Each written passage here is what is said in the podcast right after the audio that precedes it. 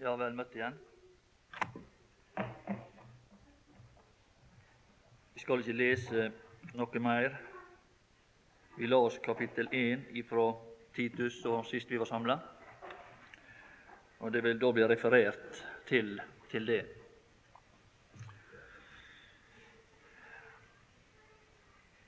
Og I vers 9 der finner vi et uttrykk som holder fast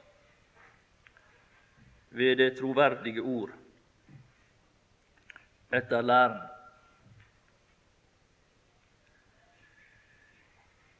Dersom vi skal bli troverdige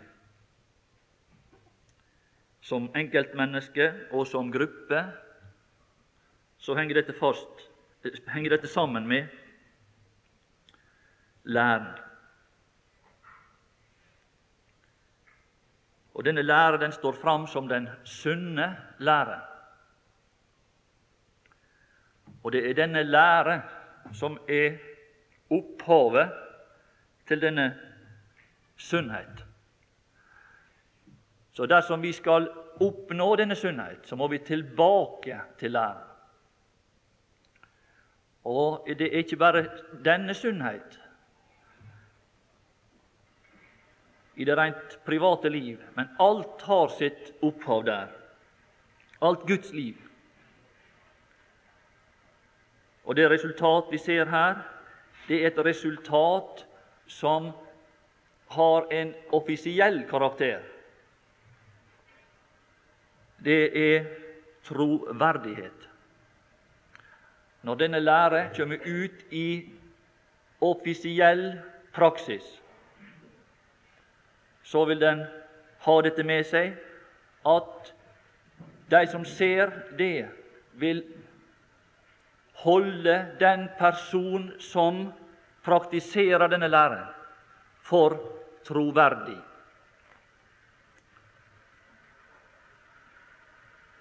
Dette henger nøye sammen med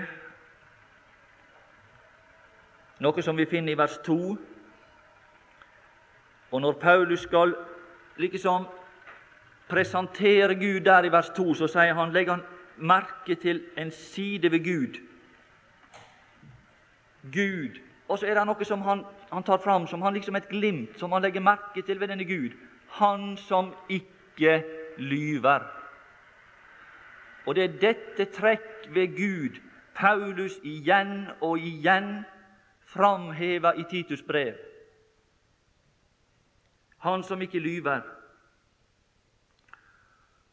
Og det er nettopp det denne mann som vi las om i går, framviser offisielt i sitt private liv i denne menighet på Kreta. Det hadde ei usedvanlig praktisk betydning på Kreta at det er en Gud i himmelen, Han som ikke lyver. Det kom til uttrykk på Kreta under de forhold som der var. En troverdig Gud. Og Det er dette som er den oppgave vi står overfor, og det er dette Titus brev søker å få fram og få ut i praksis. Denne forstander hadde tatt karakter av den Gud som ikke lyver, og sto fram i troverdighet gjennom sitt private liv, gjennom sin hustru og gjennom sine barn.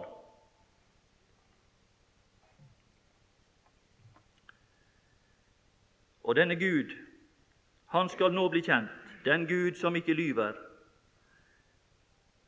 gjennom åpenbarelsen av sitt ord ved at den troende inntar denne åpenbarelse og på en måte transformerer det i sitt eget legeme, gjennom sin egen person og ut til de omstendigheter der han befinner seg.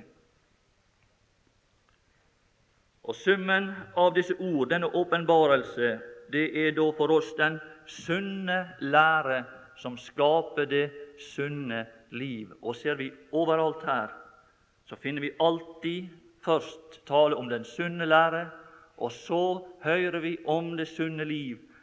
Tal du, Timotius, tal først. Og så står det lenger nede Og så vær et forbilde. Så kommer praksisen, så kommer livet etterpå. For fram ifra læren stiger livet. Det er mulig å leve et liv som en ikke kjenner i læren. For fram ifra læren stiger begrepet om Gud. Der stiger gudsbegrepet fram, som vi skal med vårt liv utfolde. Og denne lære den viser seg troverdig. All løgn og falskhet den må da forsvinne. Og det spørsmålet er, oss, er til oss hva holder vi fast ved? Hva holder vi fast ved?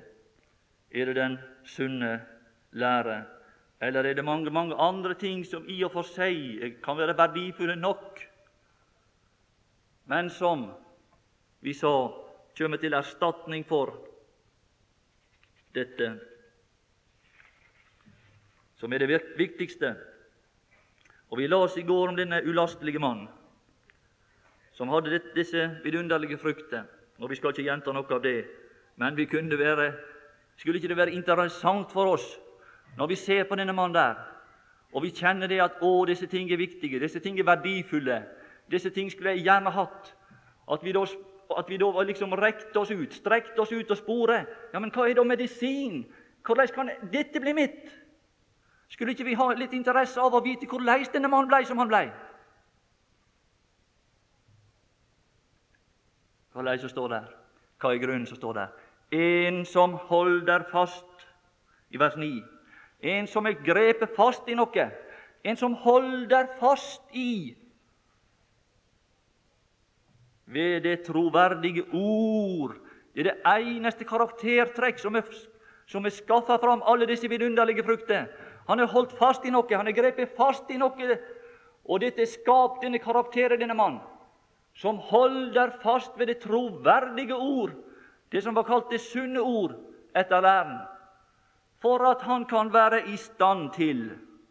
Det er det som setter oss i stand til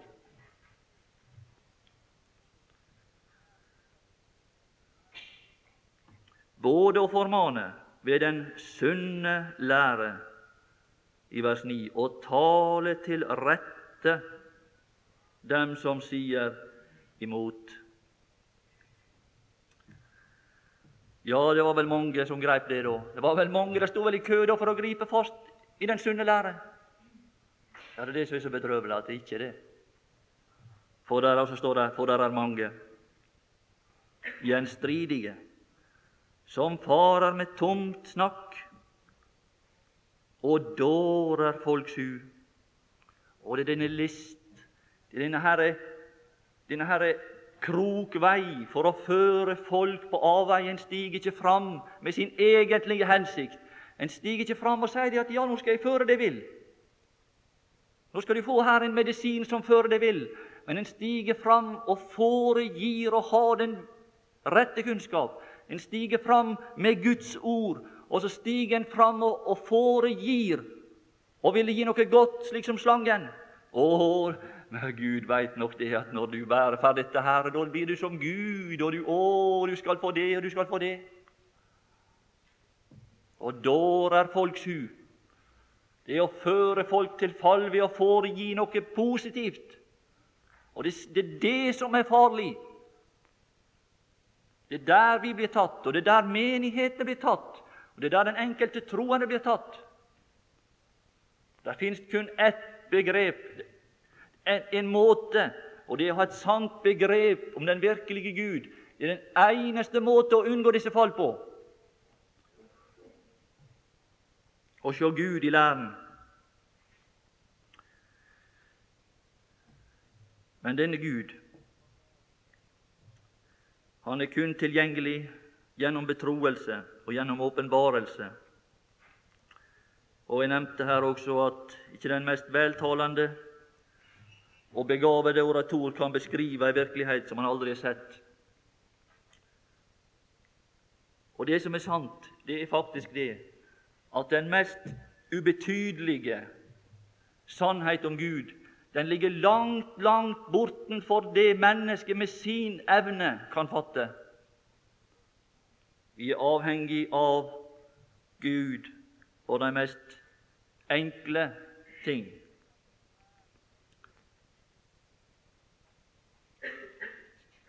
Og det er også andre ting det er ting som må brytes ned i vår karakter, i vår forståelse, før at vi kan begynne å forstå det som er av Gud. Før vi kommer til den posisjonen at vi godtar Guds måte å vise seg fram på. Det står at Han er åpenbaret seg i sitt ord, men det er stor fare for det at vi ikke godtar denne måte. Vi vil ikke gå inn der som Gud vil føre oss inn. Og det kan være en grunn til at vi blir uten himmelsk betruelse og åpenbarelse i vårt liv. Og vi ser i Korintiabrevet der er Paulus et stort problem. Begge Korintiabrev det samme problem. Store vanskeligheter sto Paulus overfor der. Og denne, der, den menighet der de hadde den mest lovpriste menneskelige visdom. Og der, legg merke til, der, hva var den forbundet med? Den var forbundet med den mest primitive synd. Har du tenkt på det? Den mest primitive synd trives i den mest velutvikla filosofia, i de høge samfunn, der en roser seg av menneskelig visdom. Der finner den mest primitive synd sted. Og vi ser det i vår Bare å slå opp avisene. Det er bare å slå opp avisene hvis du vil se det så ser du hvordan dette utvikla seg. Det var i Korint. Det er ikke noe nytt under solen. Men Paulus han, var ikke, han sto ikke hjelpeløs overfor dette. Og han kjente til Kristus. Han, han, han fører Kristus inn, Guds kraft og Guds visdom. Og så tok han et, han tok et jag på disse. Han sto ikke hjelpeløs overfor disse vanskeligheter. Der er en Guds kraft til frelse, vi som blir frelst, sier han i 1. Korintiabrev 1. De som blir frelst, for de som blir frelst, er det en Guds kraft. Og det er denne okses kraft at Paulus stiger inn i 1. Korintiabrev, inn i denne menighet, og Det er som en olm okse. Han skraper i bakken der på en måte. Han senker sitt hode, han ser seg rundt, og så sier han, 'Hvor er en vis mann?' Jeg skal spidde han på mine horn. Hvor er en vismann? Hvor er en gransker? Hvor er, hvor er en skriftlærd? Alle disse, hvor er de? Og Han ser seg rundt, og han begynner å jage etter dem. Og Vi ser i 2. Korintiabrev der de klatrer opp i et tårn, opp i en høg festning. Så står det tankebygninger og enhver høyde som reiser seg mot kunnskapen om Gud. Men de er ikke engang trygge der. Paulus er på jag etter dem, og han sier det. Har ikke Gud gjort verdens visdom til dårskap? Vi omstyrter tankebygninger. Og enhver høyde som reiser seg mot kunnskapen om Gud. Og Guds kunnskap, den blir stående aleine igjen. Hvor er de, disse 10 000 læremestere som det står om i 1. Korintiabrev? Hvor er de? Hvor er de hen? De er borte. De er borte ved oksens kraft. De er borte. Og det er noe som må jages bort ifra vår karakter. Det er ikke oss oksen oksene på jag etter, men det er vår visdom. Jeg vil ødelegge de vises visdom. Han vil ikke ødelegge oss. Han vil ikke ødelegge meg i min menneskelige visdom. Men det er vår, vår visdom han vil ødelegge. Han vil frata oss, for den skal frata oss, tas oss i alle tilfeller. Den må forsvinne, slik at vi kan begynne å tenke på ny. Og Så sier Paulus Ja, og så blir han den milde Paulus igjen. Så sier han nå kan jeg begynne å bygge. Nå skal vi begynne å bygge her i Korint. Så legger han grunnvollen der. Etter at han kommer ned fra fjellet, så sier han det hva øyet ikke så, hva øret ikke hørte, hva det menneskelige øyet ikke, ikke så, og det menneskelige øret ikke hørte, hva disse vismenn ikke så, hva Gud har beredt for dem som elsker Han, og så kommer han som Moses ned fra fjellet, og så sier han, nå kan vi bygge. Har jeg lagt vis grunnvoll som en vis byggmester? Men før han begynner å bygge, så sier han det. For at eders For at eders tro ikke skulle være grunnet ikke denne grunnvoll, ikke menneskers visdom å bygge på, ikke menneskers tanke å bygge på. Det er et altfor løst fundament. Vi må bygge på noe annet, men på Guds kraft.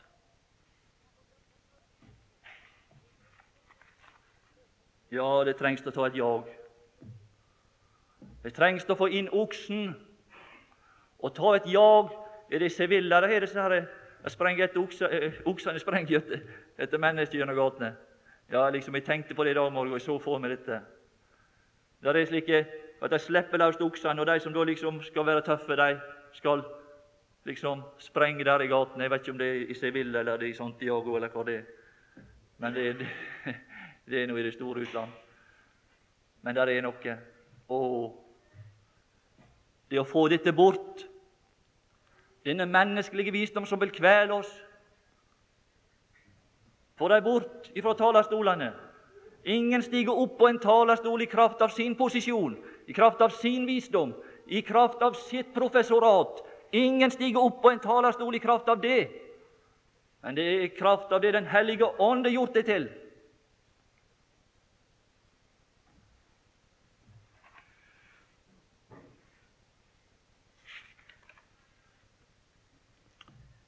Ja, det høres ufarlig ut her. Det er slike ord som du leser, og så bare liksom forsvinner det. Du tenker ikke noe mer på det. Vi la oss her de farer med tomt snakk. Det er slike uttrykk som liksom Ja, ja, det står nå der. Helt ufarlig. Men det er en apostel her, og hans øvde øye ser i dette tomme snakk den falske lære som disse mange førte. Hvorfor det? Fordi den var tom. Den var innholdsløs. Hvorfor? Fordi den ikke beskriver den virkelige Gud.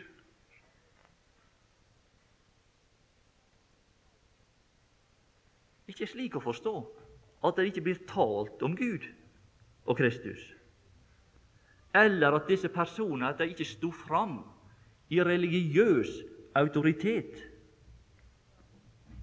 Tenk bare på det som skjedde i ørkenen. Ja, det gikk 40 dager. 40 dager gikk det. Så hadde tomheten tatt et helt folk. 40 dager uten at Moses hadde forbundet dem med Gud. det var nok. Begrepet om den sanne Gud og hans egenskaper det var så langt borte at de tok og laga seg en, en, figur, og så sa de denne figuren her, han førte oss ut av Egyptens land. På 40 dager så var deres gudsbegrep skrumpa inn til en skulptur. Denne førte oss ut av Egyptens land. Det var ikke bare noe de sa. Men de mente faktisk dette. Kan du tenke deg på et nivå?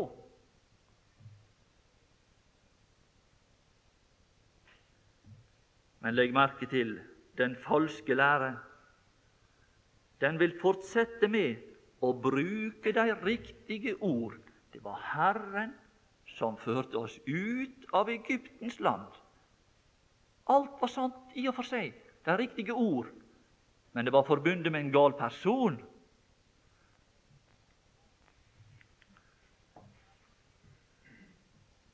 Men innholdet i det hele, og framfor alt resultatet, hva blir det? Hva var resultatet av den forkynnelse? Og La oss bare se på hva slags personer er det den falske lære vil benytte De tok seg en fremmede mann ut av flokken, Så sa de nå er det passé med disse her andre ledere. Nei, de gjorde ikke det. De sa til Aron de tok, en, de tok den som tidligere var forbunden med himmelsk åpenbaring. Og dere er ledere, venner. Vi er ledere alle sammen, de som har ledende stillinger, som står i denne fare for å la seg bruke, og la seg bruke nettopp som et instrument i den samme hensikt og med den samme forferdelige konsekvens som Aron.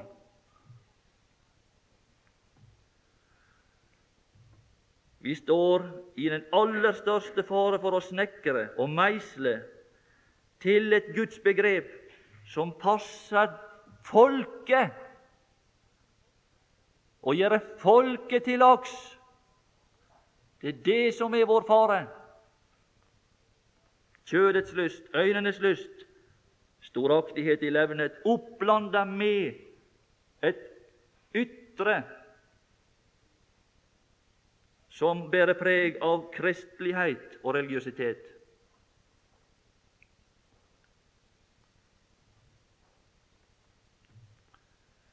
Her i Tidus brev så har vi dette omtalt å føre utilbørlig lære for ussel vinnings skyld. Ussel vinning. Skal jeg si det, det er vår Gud. Han er ikke et resultat av vår meisel. Men vi er et resultat av hans meisel. Det er det vi finner her i Titus brev. Det er han som skal meisle oss til. Vi lager ikke oss en gud som passer folket, men han lager en gud som er som, lager et, et folk som er som han.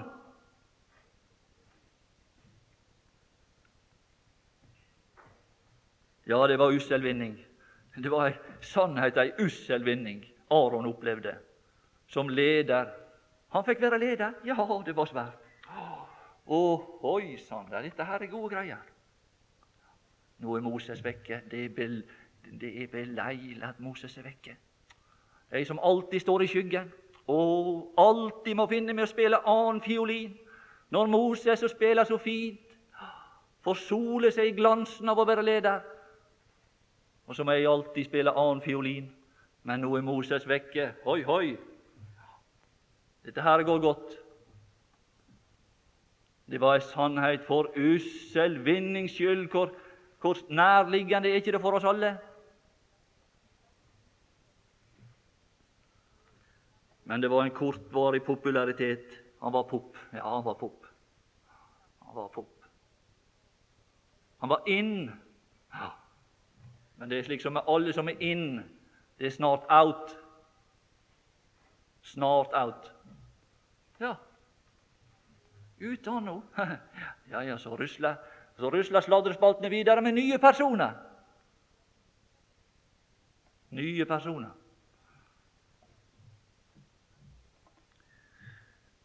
Ja, hva står det i denne forbindelse? Hva står det i denne forbindelse? De sto tidlig opp om morgenen.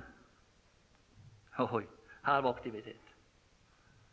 Det ser ut for at det var ikke så, var ikke så lett å stå tidlig opp andre morgener når en skulle tjene Herren. Nei, det var litt, liksom litt ah, Ja, det var så Uff. Men denne morgenen, da sto de tidlig opp. Hvorfor det? Ja, nå i dag da skulle vi få leike oss. Det er greit nok, venner, å leike seg når en er barn. Det er forberedelse til, til liv. En leiker det voksne liv. Men det er ikke, det er ikke greit å leike når en er voksen. De står opp for å leke. Det er noe uvirkelig over det hele. Det å forholde seg til det uvirkelige. Fordi denne kalv som sto der, var ikke det virkelige, så bar livet preg av at nå er det noe uvirkelig som pågår. Som deres guder er, så blir de som ber til dem.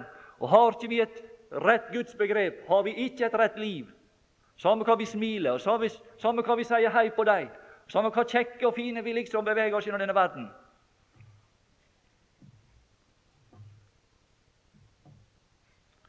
Ja, her var ingen grense for aktivitet. Aktivitet og resultat er ikke et bevis på at det som blir oppnådd, er ekte.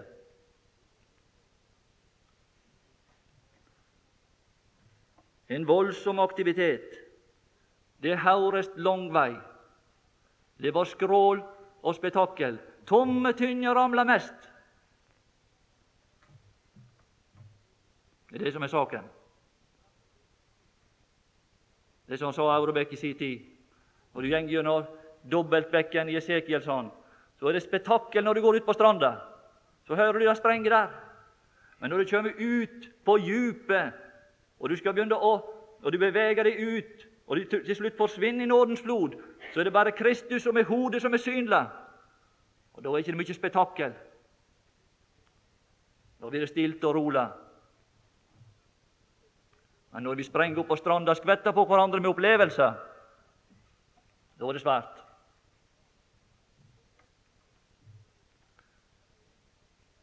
Nei, det er svært så lenge vi får holde på med det som heter vårt hode. En Gud etter vårt hode. Da er det svært. For det er høytid for vår nye avgud. Nå har vi laga en avgud, og nå er det høytid for denne nye avgud. Her ser du hva bedragersk det er. Det er løgnen. Det er høytid for Herren. Det er dette som er Herren. En bruker de riktige uttrykk, de riktige termer. Men innholdet er annerledes. Hvis vi var ærlige og sa at det, vi er laga sin avgud Dette her er ikke Gud. Da har ikke vi ført folk vill slik som vi gjør. Men det er det som er saken, at vi fortsetter å ytre sett og foregi at vi holder på med det samme, men innholdet er annerledes. Og så fører vi de vill som ukyndige.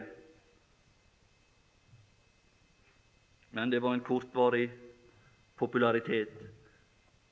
Det var en ussel vinningsskyld. Og vi venner, vi bør være oppmerksom på denne djupt sittende skepsis til alt som er av Gud i vår natur, og med vår letthet til med begjærlighet å gripe enhver religiøs og mennesketenkt forestilling om Gud. Tomt snakk og dårer folks hu.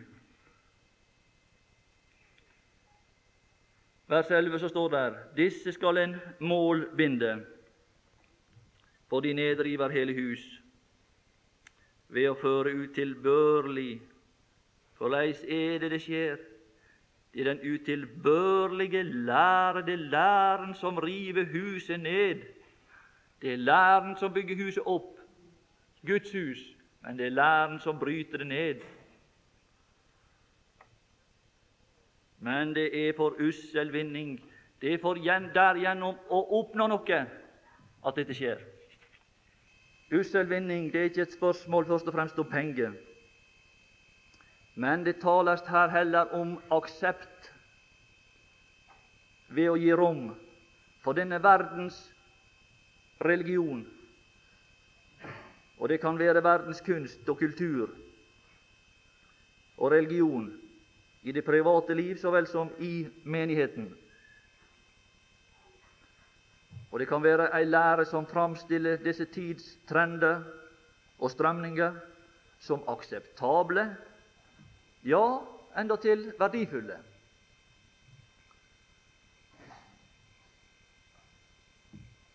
I dette tilfellet, i vers 14, så ser vi at det var jødiske eventyr. Og det som gjør det farlig, det er at det er et bedrag som endatil kan føres tilbake og ha en guddommelig opprinnelse og derfor er det også dobbelt farlig. Og så står det bud av mennesker. Bud av mennesker. Folk som står fram i en autoritet, som stiller seg i veien for oss med en menneskelig autoritet og vil avskjære oss vår vei, og føre inn et bud som gjør at vi må, må, må ta stilling til det og som vil føre oss ved sitt bud bort ifra den vei vi er på. Og dette budet av mennesker, Det fører oss tilbake til vers 3. Der er et høyere bud. Og Hvis ikke vi kommer i kontakt med det høyere bud, så vil disse bud, gitt av autoriteter som er større enn oss, de vil stanse oss, stille seg i veien for oss og vanskeliggjøre vår navigering. Der står det som ble meg betrodd etter Guds, vår Frelsers befaling. Er er ei høgere befaling, Er er et høgere bud, Er er en høgere autoritet enn disse som vil stille seg i min vei og avspore meg. Etter Guds, vår Frelsers befaling. Her er det bud som kommer ned til oss fra ei høgere myndighet, og som gjør at vi kan fungere, sjøl om vi skulle oppleve dette, at noen vil på denne måte avskjære oss. Autoriteter vil møte oss og stille seg i vår vei. Og Det er kun dette som kan hjelpe oss, at vi kjenner denne Guds, vår Frelsers befaling. Og menneskers bud, de vil føre oss bort fra sannheten, bort fra det virkelige. Guds, vår Frelsers befaling, den vil holde oss i sannheten, den vil holde oss i virkeligheten. Den vil holde oss hos, oss hos seg sjøl. Han vil holde oss i virkelighetens verden og få oss til å fungere fortsatt Ja, her står om jødiske eventyr. Jødiske eventyr i vers 14. De gir seg av med jødiske eventyr. Og det, disse eventyr det er noe som har den motsatte karakter over seg i forhold til virkeligheten, til sannheten. Det har med det uvirkelige å gjøre. Det var en gang. Ja, det er eventyr. Det er fri fantasi. Det er noe som ikke eksisterer. Det er i grunnen bare, bare beregna på, å få ungen til å sove. Stort sett er det går ut på. Han roer seg. Ja, ja. Men her er det noe annet. Her er det noe som skal få oss til å fungere. Og det er kun virkeligheten som får oss til å, fungere. Men Satan hadde tenkt å føre uvirkeligheten inn, slik at vi slutta å fungere. Og denne virkeligheten er framfor alt Gud, som vi finner i vers 16 her. De sier at de kjenner Gud. Å, denne Gud som vi kan kjenne. Det er den virkelighet som stiger fram for oss i den sannhet som hører til Guds frykt. Kjenner Gud gjennom den sannhet, gjennom den virkelighet. Men her er den negative variant omtalt. Her leser vi i vers 16 de sier at de kjenner Gud, men de fornekter ham med sine gjerninger. De sier noe med sin munn, men når de har sagt det, så sier de noe annet med sine gjerninger. Her er den negative variant. Og her er det, venner, at vi kommer i denne forferdelige situasjonen. Det at vi presenterer Gud med vårt liv som en som lyver. Det vi la som det var en Gud som ikke lyver. Men her så er det at vi kommer i fare og i skade for å si noe om Gud.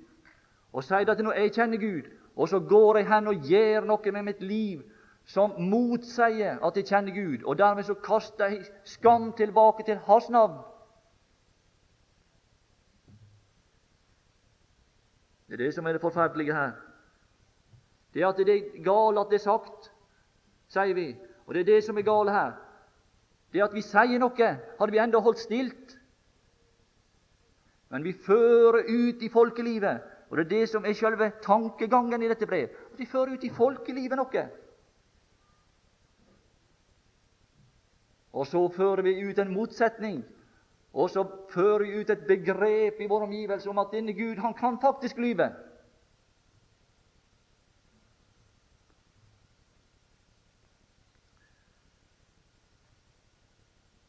Og Det er denne utadvendte karakter i dette brev som vi skal legge merke til. Og vi taler med våre ord Men vi taler også med, våre gjerninger, og begge disse ting de burde tale mye om Guds virkelighet. Det er det vi finner også i Hebreabrevet.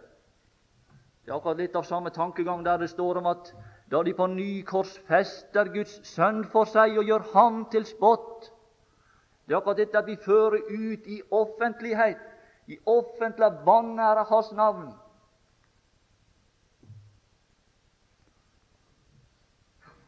Det er det som er alvorlig.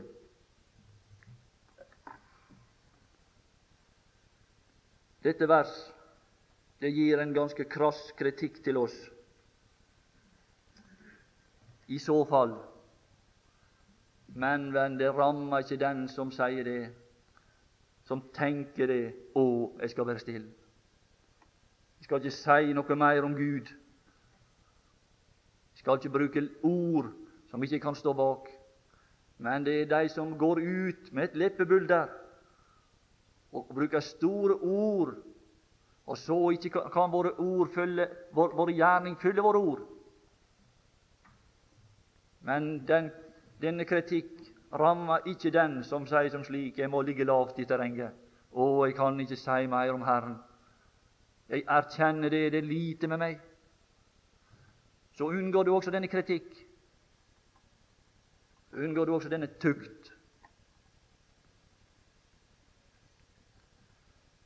Men de som sier de fornekter ham med sine gjerninger, for de er vederstyggelige og ulydige og udugelige til all god gjerning.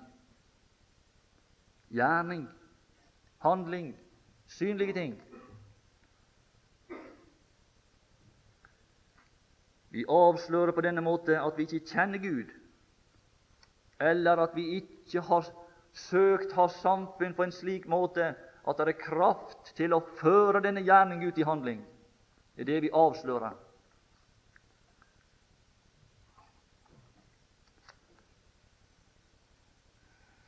Den modne frukt er det vi ser i vers 16.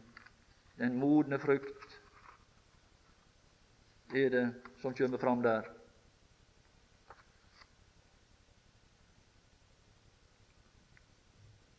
I kapittel 2 og vers 1 og utover finner vi en ganske, ganske annen ting. Her er det motstykket blir åpenbart. Bare lese liten grann der. Men tal du det som sømmer seg for den sunne lære at gamle menn skal være edrue, verdige, sindige, sunne i troen, i kjærligheten, i tålmodet. Likeså at gamle kvinner i sin ferd skal te seg som det sømmer seg for hellige, ikke fare med baktalelse, ikke være treller av drikk, men veiledere i det gode. Sjå her. Å, her ser du. Det er ikke det bare de som står på talerstolen. Det er ikke noe få liksom som skal drive kristendom. Nei, men det er noe som skal prege hele menigheten, alle forhold. Her er noen kvinner her. Paulus sier ved begynnelsen han var en fører. Han var en, en som gikk foran. Han, had, han, var på en vei som ville føre de troende til løftets land, som ville føre oss inn til en åpenbarelse og kjenne den sannhet som hører til Guds frykt. Men så er det noen gamle kvinner her. Kvinner som står opp, og, og, og, og, du nesten ikke får til å stå opp i noen sammenheng. Og kvinner som, som, som, alltid, når det liksom blir snakk om dem, sier de at ja, det, liksom, det er ingenting med meg. Nei, skal jeg si deg det. Her er noe, ei frukt som kommer fram. Her går de på den samme vei, men veiledere Veiledere til det gode. Skriften gjør oss verdifulle. I denne verden så er vi verdifulle så lenge vi kan være fine på et, på et bilde. Ja, og du er 25 år, så er du ikke brukbar som fotomodell, kanskje. Men her er ei kvinne som er brukbar etter du er 25 år.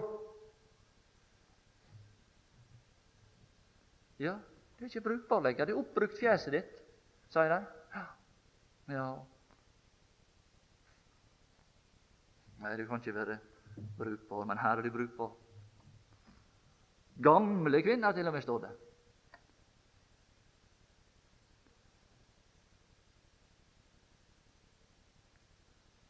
I sin ferd. Her er det som viser, her er det synlige, skal te seg. Her tales det ikke i og for seg om deres indre liv her, men her er det det ytre liv som avspeiler himmelen. Som det sømmer seg for hellige, ikke fare med baktalelse. Og her kommer inn et uttrykk i denne forbindelse. Flere ganger finner du det. Som det sømmer seg. Det som sømmer seg. Og det, det, er et, et, uttrykk som du finner mange ganger i Hebreabrevet. Når presten er gått inn, så står han og ser seg rundt. Og så ser han på det som sømmer seg, for det sømmet seg for ham. Da står du der og så ser du på øyevitnet, du, du er på hoffet, og så ser du hva som foregår. For det sømmet seg for ham. Så legger vi merke til hva som er i den verden der. Så vi er oppmerksom på den skikk og de fine små bevegelser, det som disse små manerer som egentlig utgjør elegansen. Du veit kongelige når de venker fra hoffet, så er det noe litt, litt fornemt over det. liksom. Å, ja, det er noe fornemt over det. Oi, oi. Du har vært der inne, og så har du lytta til dette, det som sømmet seg for ham, og det er det som kommer igjen her. En som har førstehåndskjennskap til den guddommelige verden. Gammel kvinne. Ja, ja, kanskje gammel, kanskje stygg. Men det er ikke stygg i den forstand. Du blir aldri stygg. Den blir aldri stygg, den som har noe av dette preg over seg. Det er noe som Himmelen kaster glans. Du legger merke til det eldre folk som kjenner Herren. Der er noe, der er en glans, der er en glød, der er noe, en preg.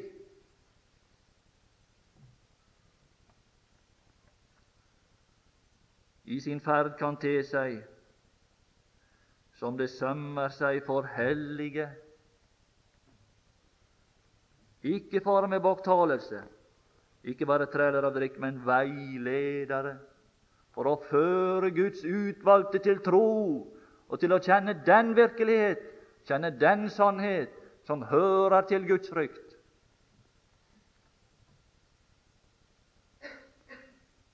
For at de kan lære de unge kvinner, for at de kan lære Ja, det er ikke medfødt. Derfor skal du tale dem strengt til rette for at de må bli sunne i troen. Vi er ikke sunne. Sunnhet er ikke det som henger ved meg. Sunnhet er ikke det som ligger meg for hånden. Det er det usunne, og det må læres, for trevlet må læres. Gjennom hard opptuktelse, gjennom sjelekamper, gjennom smerte og gråt må det læres.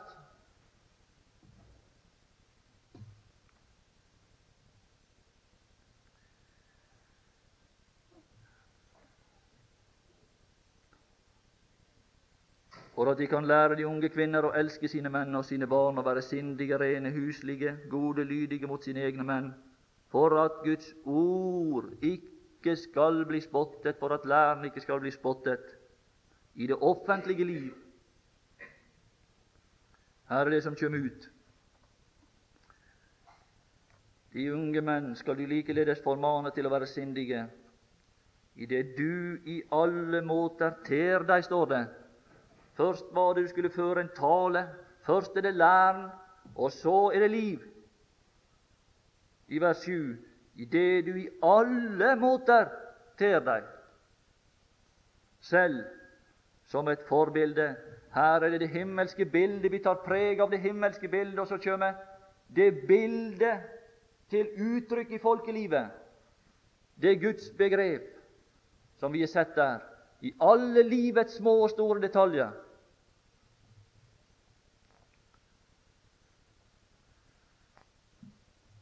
Og i din lære. Forbilde i gode gjerninger og din lære viser. Læren vises, ikke læren bare uttales, men at den vises. Det var det Paulus også gjorde i Korint.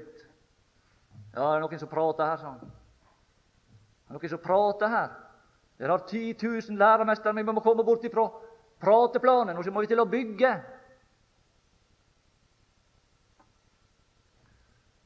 Skal vi begynne å bygge?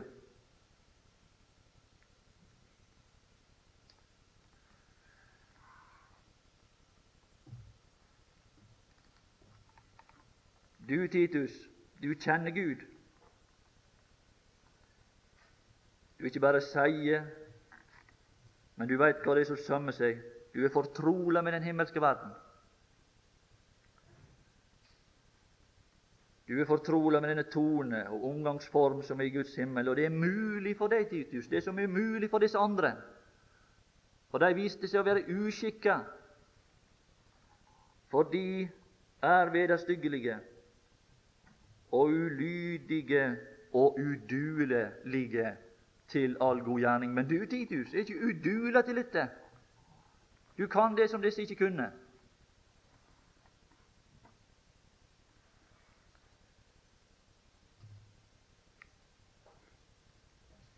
Ja, det var i denne lære.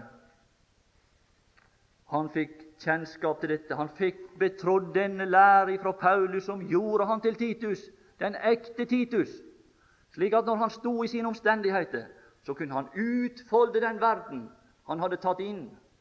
Og det var gjennom en tjener som ledet han til dette, som førte han til denne verden, og som førte han ut ifra denne verden. Gå ut og gjør dette, Titus! Er ikke det det, venner, som er vårt problem? Er ikke vi problem her? Det er mitt problem, iallfall. Stort problem. Han sa det Det var Mathias Orheim sitt problem også. Han satte seg ned og så skrev han det. 'Hverdagskristen vil jeg være'. Ja, ja, det var det. Det var det den fjordarmen der også. Samme problem. Ja, jeg vil være det. Så opplever vi det at det var så liten kraft til å gjøre det som jeg ville.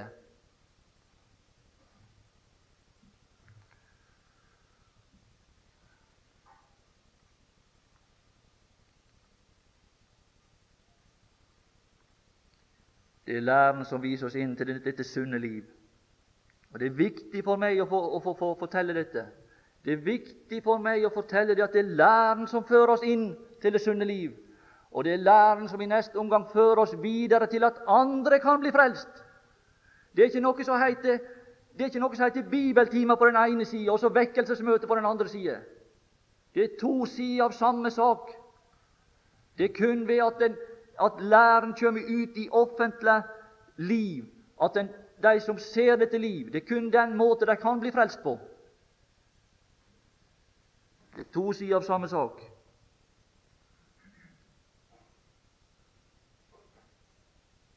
Dess bedre vi kjenner Gud gjennom læren, dess større mulighet har Gud til å føre fram et ekte vitnesbyrd.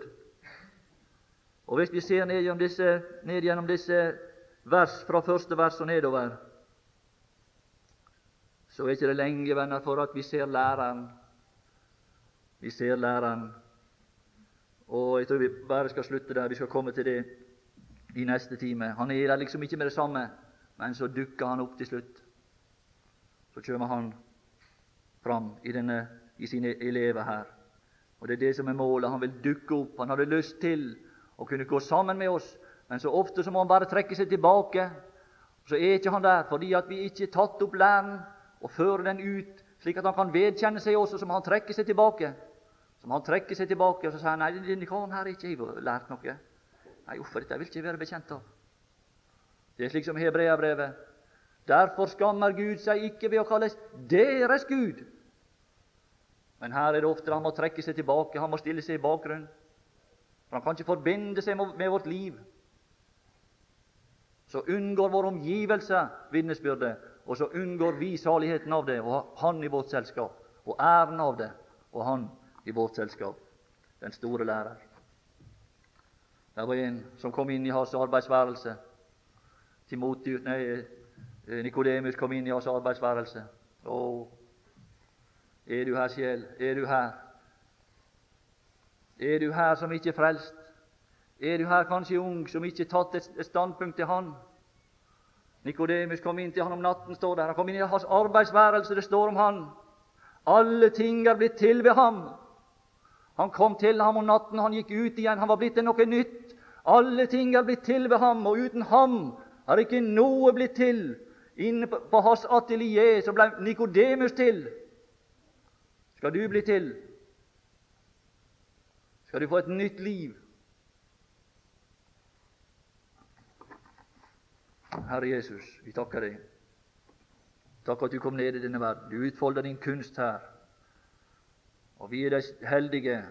Det er ikke Michelangelo, det er ikke Leonardo da Vinci og disse, men det er du, Herre Jesus, som fra begynnelsen skapte alle ting, kunstneren over alle. Du er du far forbi nå, og så spør du oss vil du bli med i min skole. Vil du bli med i min skole? Så kan vi bli til livskunstnere, så kan vi gå ut i denne verden og utfolde den visdom. Herre Jesus, la det skje for oss. Amen.